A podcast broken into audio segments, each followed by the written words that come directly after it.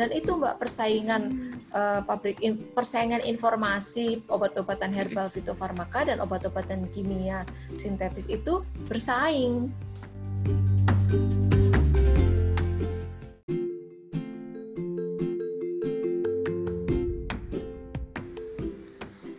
pendengar setia podcast Mini Academy, saya Zaki kembali lagi di podcast Mini Academy.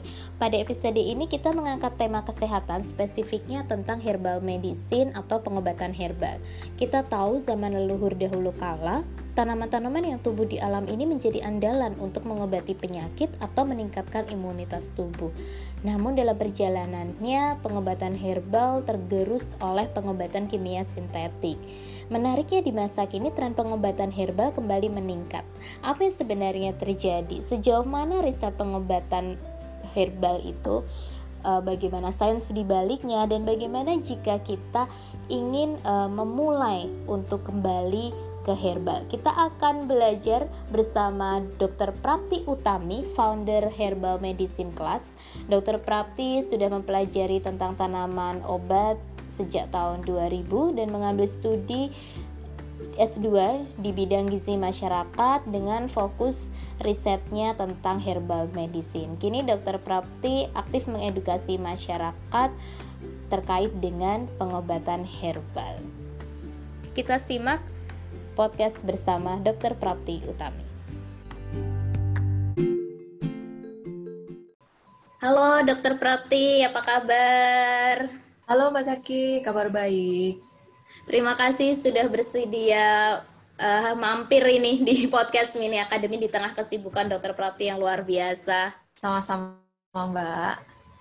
Ini teman-teman seperti yang uh, di pengantar tadi ya saya ceritakan Dokter Prati ini founder dari Herbal Medicine Class dan kita akan bisa belajar banyak tentang uh, herbal dengan Dokter Prati. Nah, Dokter Prati mungkin saya pengen tahu dulu nih sejarah pengobatan herbal di Nusantara atau bahkan mungkin di dunia itu sebenarnya seperti apa sih gitu karena kan kayaknya eh, tanaman dan sebagainya itu kan udah ada ya dari zaman dulu gitu dan sebenarnya sejarahnya itu seperti apa dok?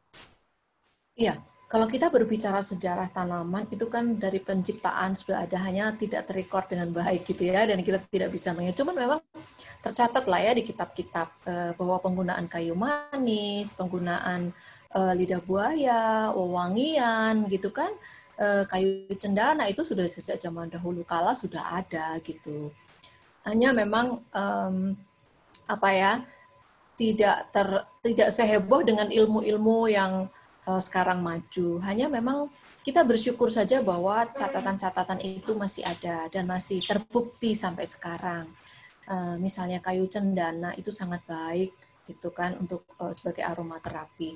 Nah berbicara masalah uh, apa namanya tanaman di herbal di Indonesia, Indonesia itu adalah salah satu laboratorium tanaman obat terbesar di dunia karena Indonesia menjadi nomor dua negara setelah Brasil yang memiliki herbal. 80% herbal ada di Indonesia dan 35 ribu jenis tingkat tinggi. Tingkat tinggi itu maksudnya adalah yang sudah dikenal gitu ya dan 3.500 ribu dilaporkan sebagai tanaman obat. Sangat hmm. sangat kita syukuri gitu ya. Dan tanaman obat itu ada yang endemik, ada juga yang menyebar rata. Maksudnya endemik itu ada di daerah tertentu. Misalnya seperti buah merah. Buah merah itu ada di Papua. Atau seperti Purwaceng. Purwaceng itu ada di Dieng, di Wonosobo gitu kan. Dan yang menyebar rata itu adalah seperti temulawak, kunyit, itu menyebar secara merata.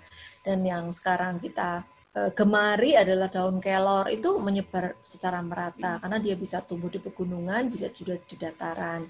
Nah, nenek moyang kita itu menggunakan memanfaatkannya dengan cerdas gitu. Uh, saya menilai bahwa nenek moyang kita tuh lebih cerdas daripada kita sekarang di zaman modern. Karena pada zaman kesehatan uh, klasik itu mereka me, apa ya mengolah ataupun menciri atau me, apa, ya, mengamati dari bahasa-bahasa alam. Misalnya seperti uh, rasi bintang gitu ya. Rasi bintang itu mereka pakai untuk menentukan musim.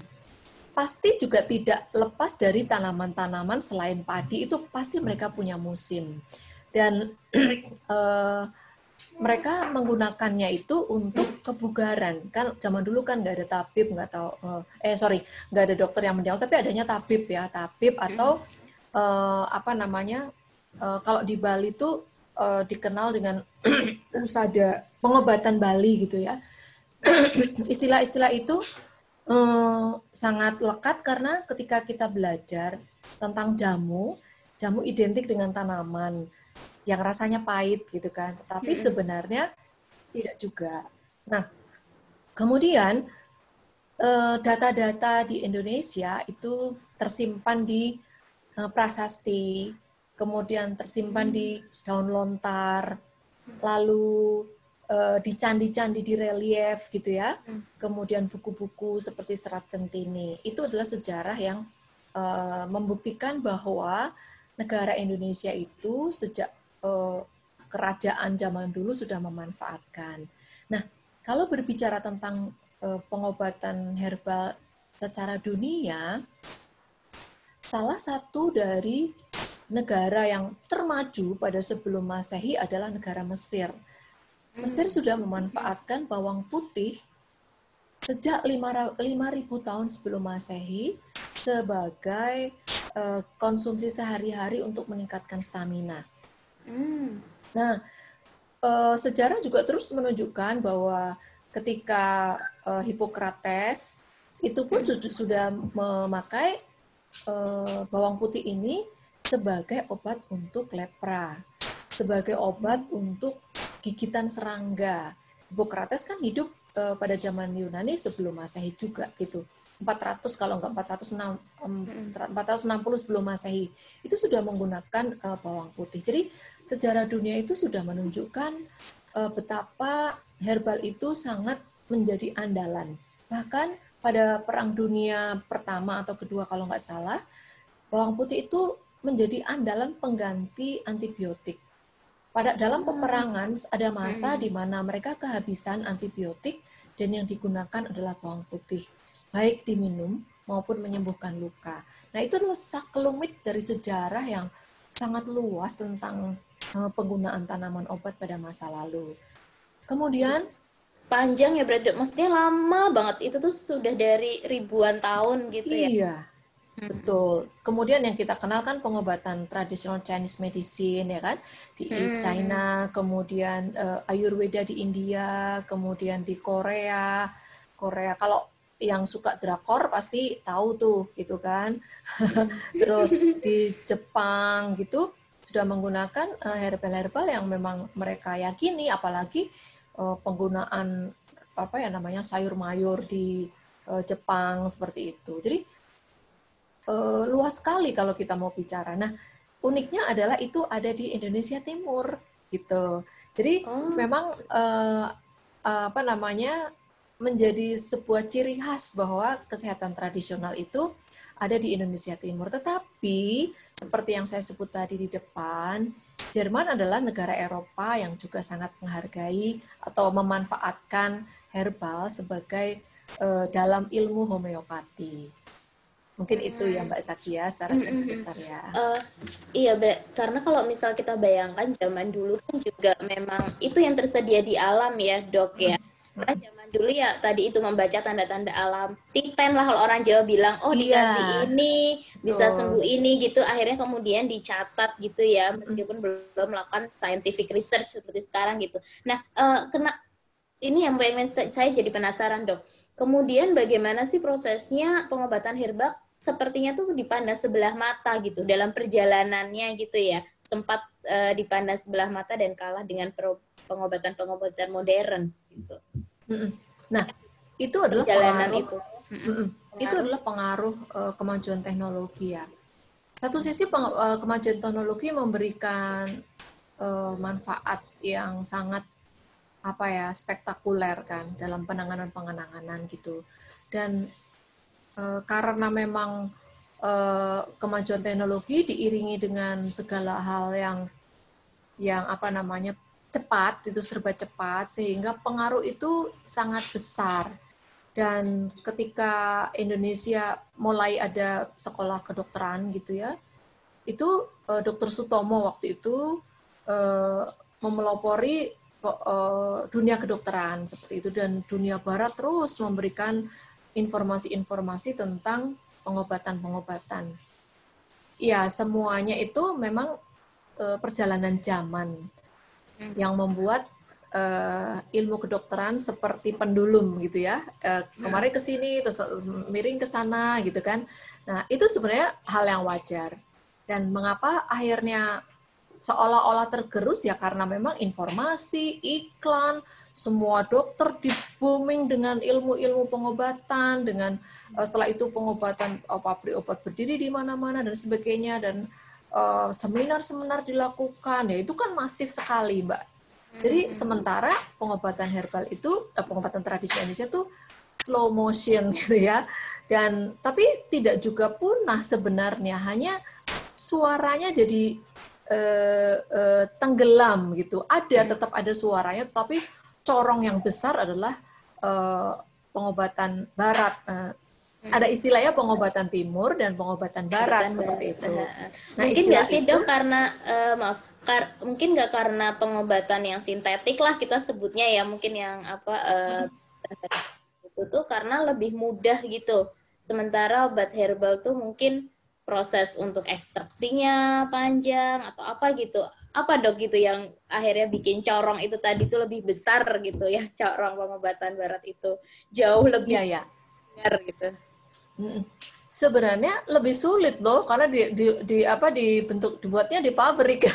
Kita iya. nggak bisa bikin. Atau karena ya, ini kalau... karena cepat sembuh gitu. Kayaknya kalau minum obat kayak gitu kan cepat sembuh ya dok ya iya iya iya jadi uh, tadi saya bilang bahwa kemajuan teknologi membuat ilmu terus berkembang penelitian dilakukan di mana-mana terus orang tuh kan maunya bukti buktinya apa gitu kan oh. nah karena kemajuan teknologi buktinya penelitian penelitian kan mahal Nah, itu sudah dilakukan gitu. Jadi seolah-olah trustnya itu hmm. pindah.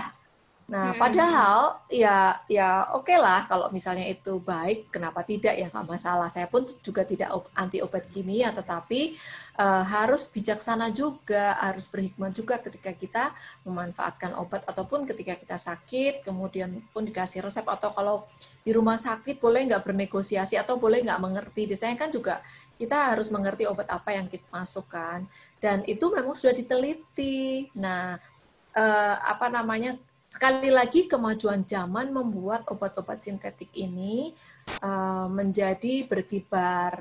Dan sadar atau tidak sadar yang namanya sintetik kan nggak asli gitu. Tetapi ya karena memang di dalam dunia suka nggak suka mau nggak mau itu sudah merambah dalam bidang-bidang yang lain gitu. Tidak hanya ngomong kesehatan politik kemudian dunia hmm. bisnis itu sudah campur aduk seperti itu. Hmm. Kepentingan banyak kepentingan, oke okay lah uh, memakai bendera kesehatan gitu ya. Tapi di balik itu semuanya ya uh, banyak hal dan itu uh, ada sisi baiknya, tapi ada juga sisi tidak baiknya. Ya, okay. Seperti itu jadi sih. Memang uh, uh, jadi teknologi dan bercampur aduk itu tadi ya dok dari banyak. Iya. Ini tadi menarik aspek. artinya banyak aspek pengobatan herbal itu sebenarnya tidak gitu ya dok ya karena ini masih terus ada dan bahkan sekarang orang jadi kembali lagi banyak yang kembali lagi ke herbal gitu. Nah uh, sejauh mana sih dok riset kalau tadi kita bicara riset ya karena kan orang butuh bukti nih sejauh mana ya. riset tentang obat herbal di masa kini ini dok? Ya, jadi riset riskesdas riset kesehatan dasar yang dilakukan Kementerian uh, Kesehatan itu uh, yang terakhir itu 2018 ya itu sudah kelihatan peningkatan pemanfaatan obat oleh masyarakat walaupun tidak sedrastis yang kita bayangkan. Jadi tiap tiap uh, 2018, kemudian 2013, uh, kemudian 2013, kemudian 2008 kalau nggak salah saya lupa. Itu terjadi peningkatan uh, pemanfaatan tanaman obat di dalam masyarakat. Tapi kita tahu bahwa riset kesehatan dasar ini uh, adalah riset secara umum gitu ya. Dan uh, itu sudah cukup mewakili lah kalau Kementerian Kesehatan bicara tentang uh, seberapa jauh sih pemanfaatan herbal di Indonesia. Ya itu yang dipakai seperti itu. Bahwa sudah ada peningkatan uh, di setiap tahunnya pemakaiannya.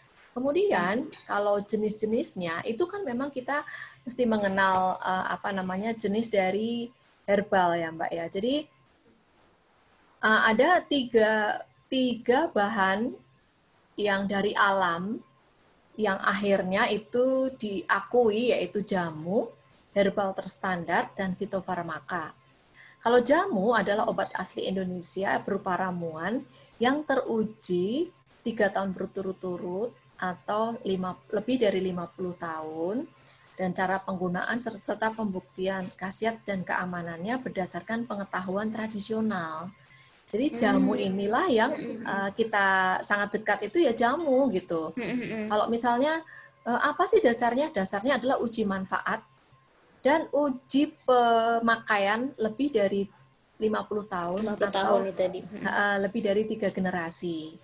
Nah, kemudian berikutnya adalah herbal terstandar. Herbal terstandar itu sediaan obat bahan alam yang telah terbukti keamanan dan khasiatnya secara ilmiah melalui uji praklinis, pengujian terhadap hewan percobaan, tapi belum uji klinis atau pada manusia meski bahan bakunya telah distandarisasi. Ini juga banyak Mbak Saki. Herbal oh. terstandar ini adalah yang sudah diekstrak.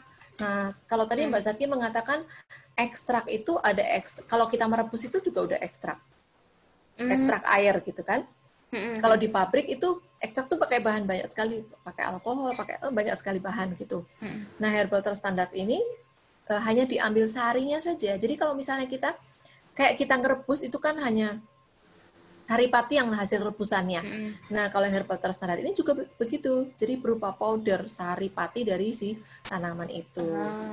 Nah, satunya lagi adalah fitofarmaka yaitu sediaan obat bahan alam yang terbukti secara ilmiah melalui uji praklinis dan klinis. Bahan baku dan produk jadinya telah distandarisasi.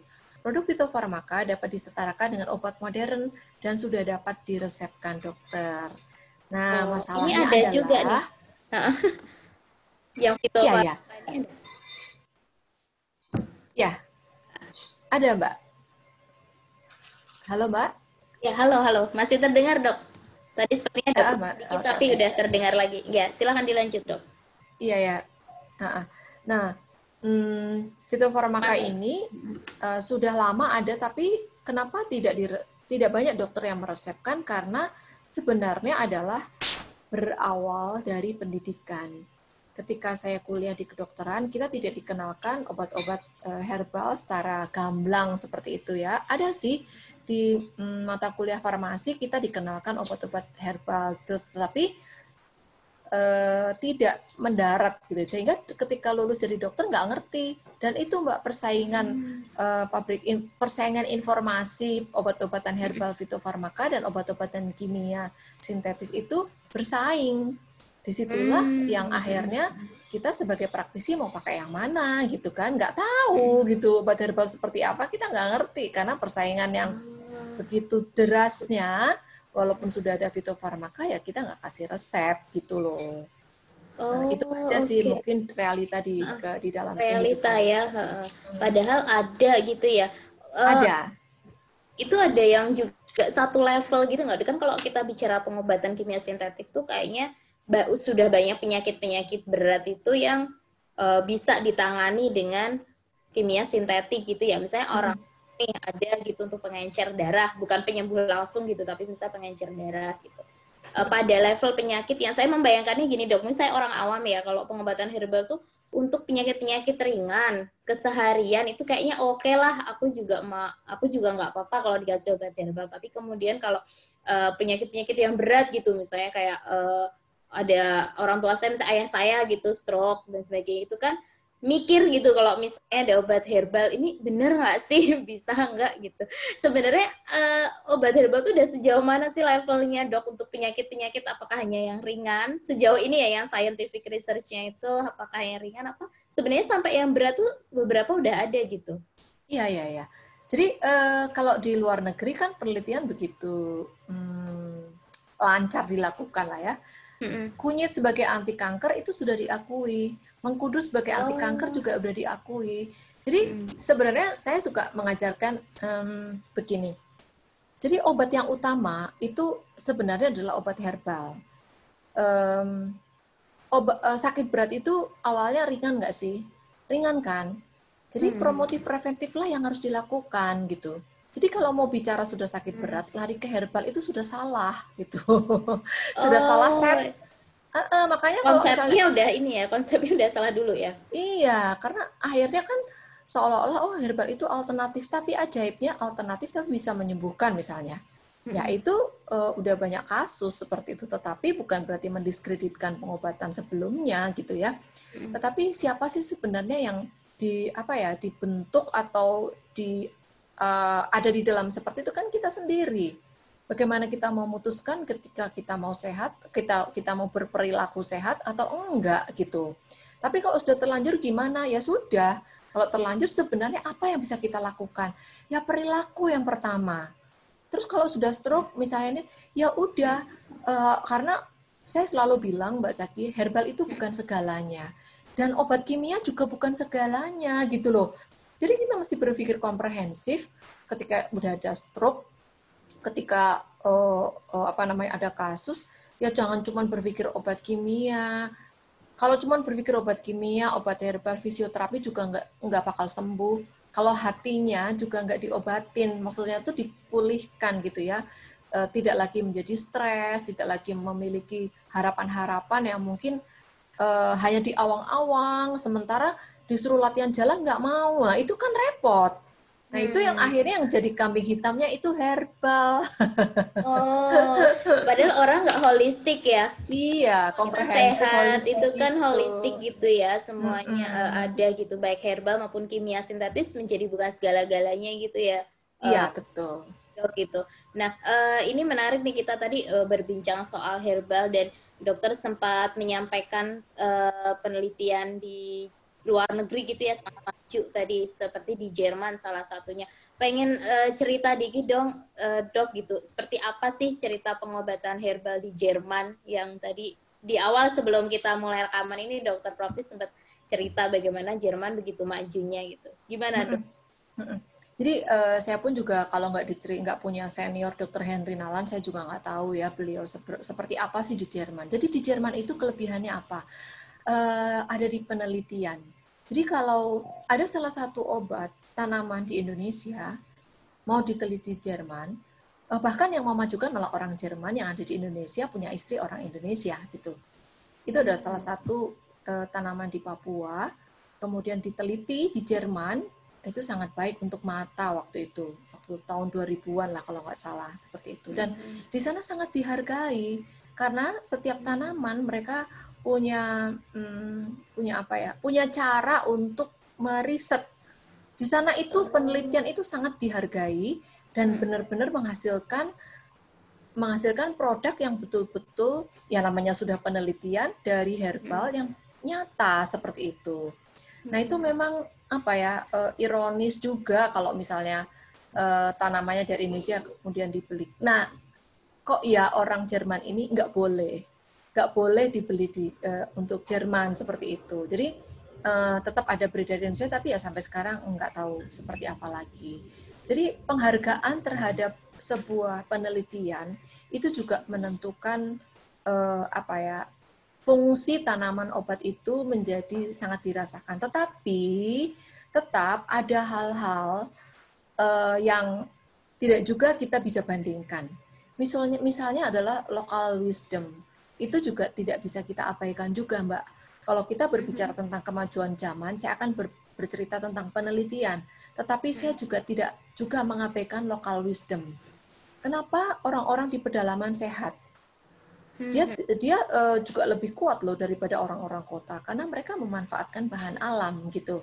Jadi kita mesti seimbang juga ketika kita membicarakan sesuatu kemajuan teknologi dengan kearifan lokal dan uh, tidak hanya di Jerman sih, tadi negara-negara yang saya sebut juga sudah mereka sudah melakukan penelitian yang memang bisa dipertanggungjawabkan. Nah, di Indonesia yang tanaman-tanaman yang sudah termasuk fitofarmaka itu yang sudah diteliti itu seperti meniran, temulawak, seledri, kumis kucing, kunyit, cabai jawa, jambu biji dan uh, lingsi, jamur lingsi. Nah, itu sudah masuk uh, fitofarmaka. Uh, kemudian yang herbal terstandar banyak juga sih ada mengkudu, daun salam, jati Belanda, jahe merah, sambiloto dan banyak lagi. Kalau jamu banyak sekali gitu kan. Ada siri, akar wangi, alpukat. Wah, bejibun hmm. dah ratusan dah kalau yang iya. jamu seperti itu.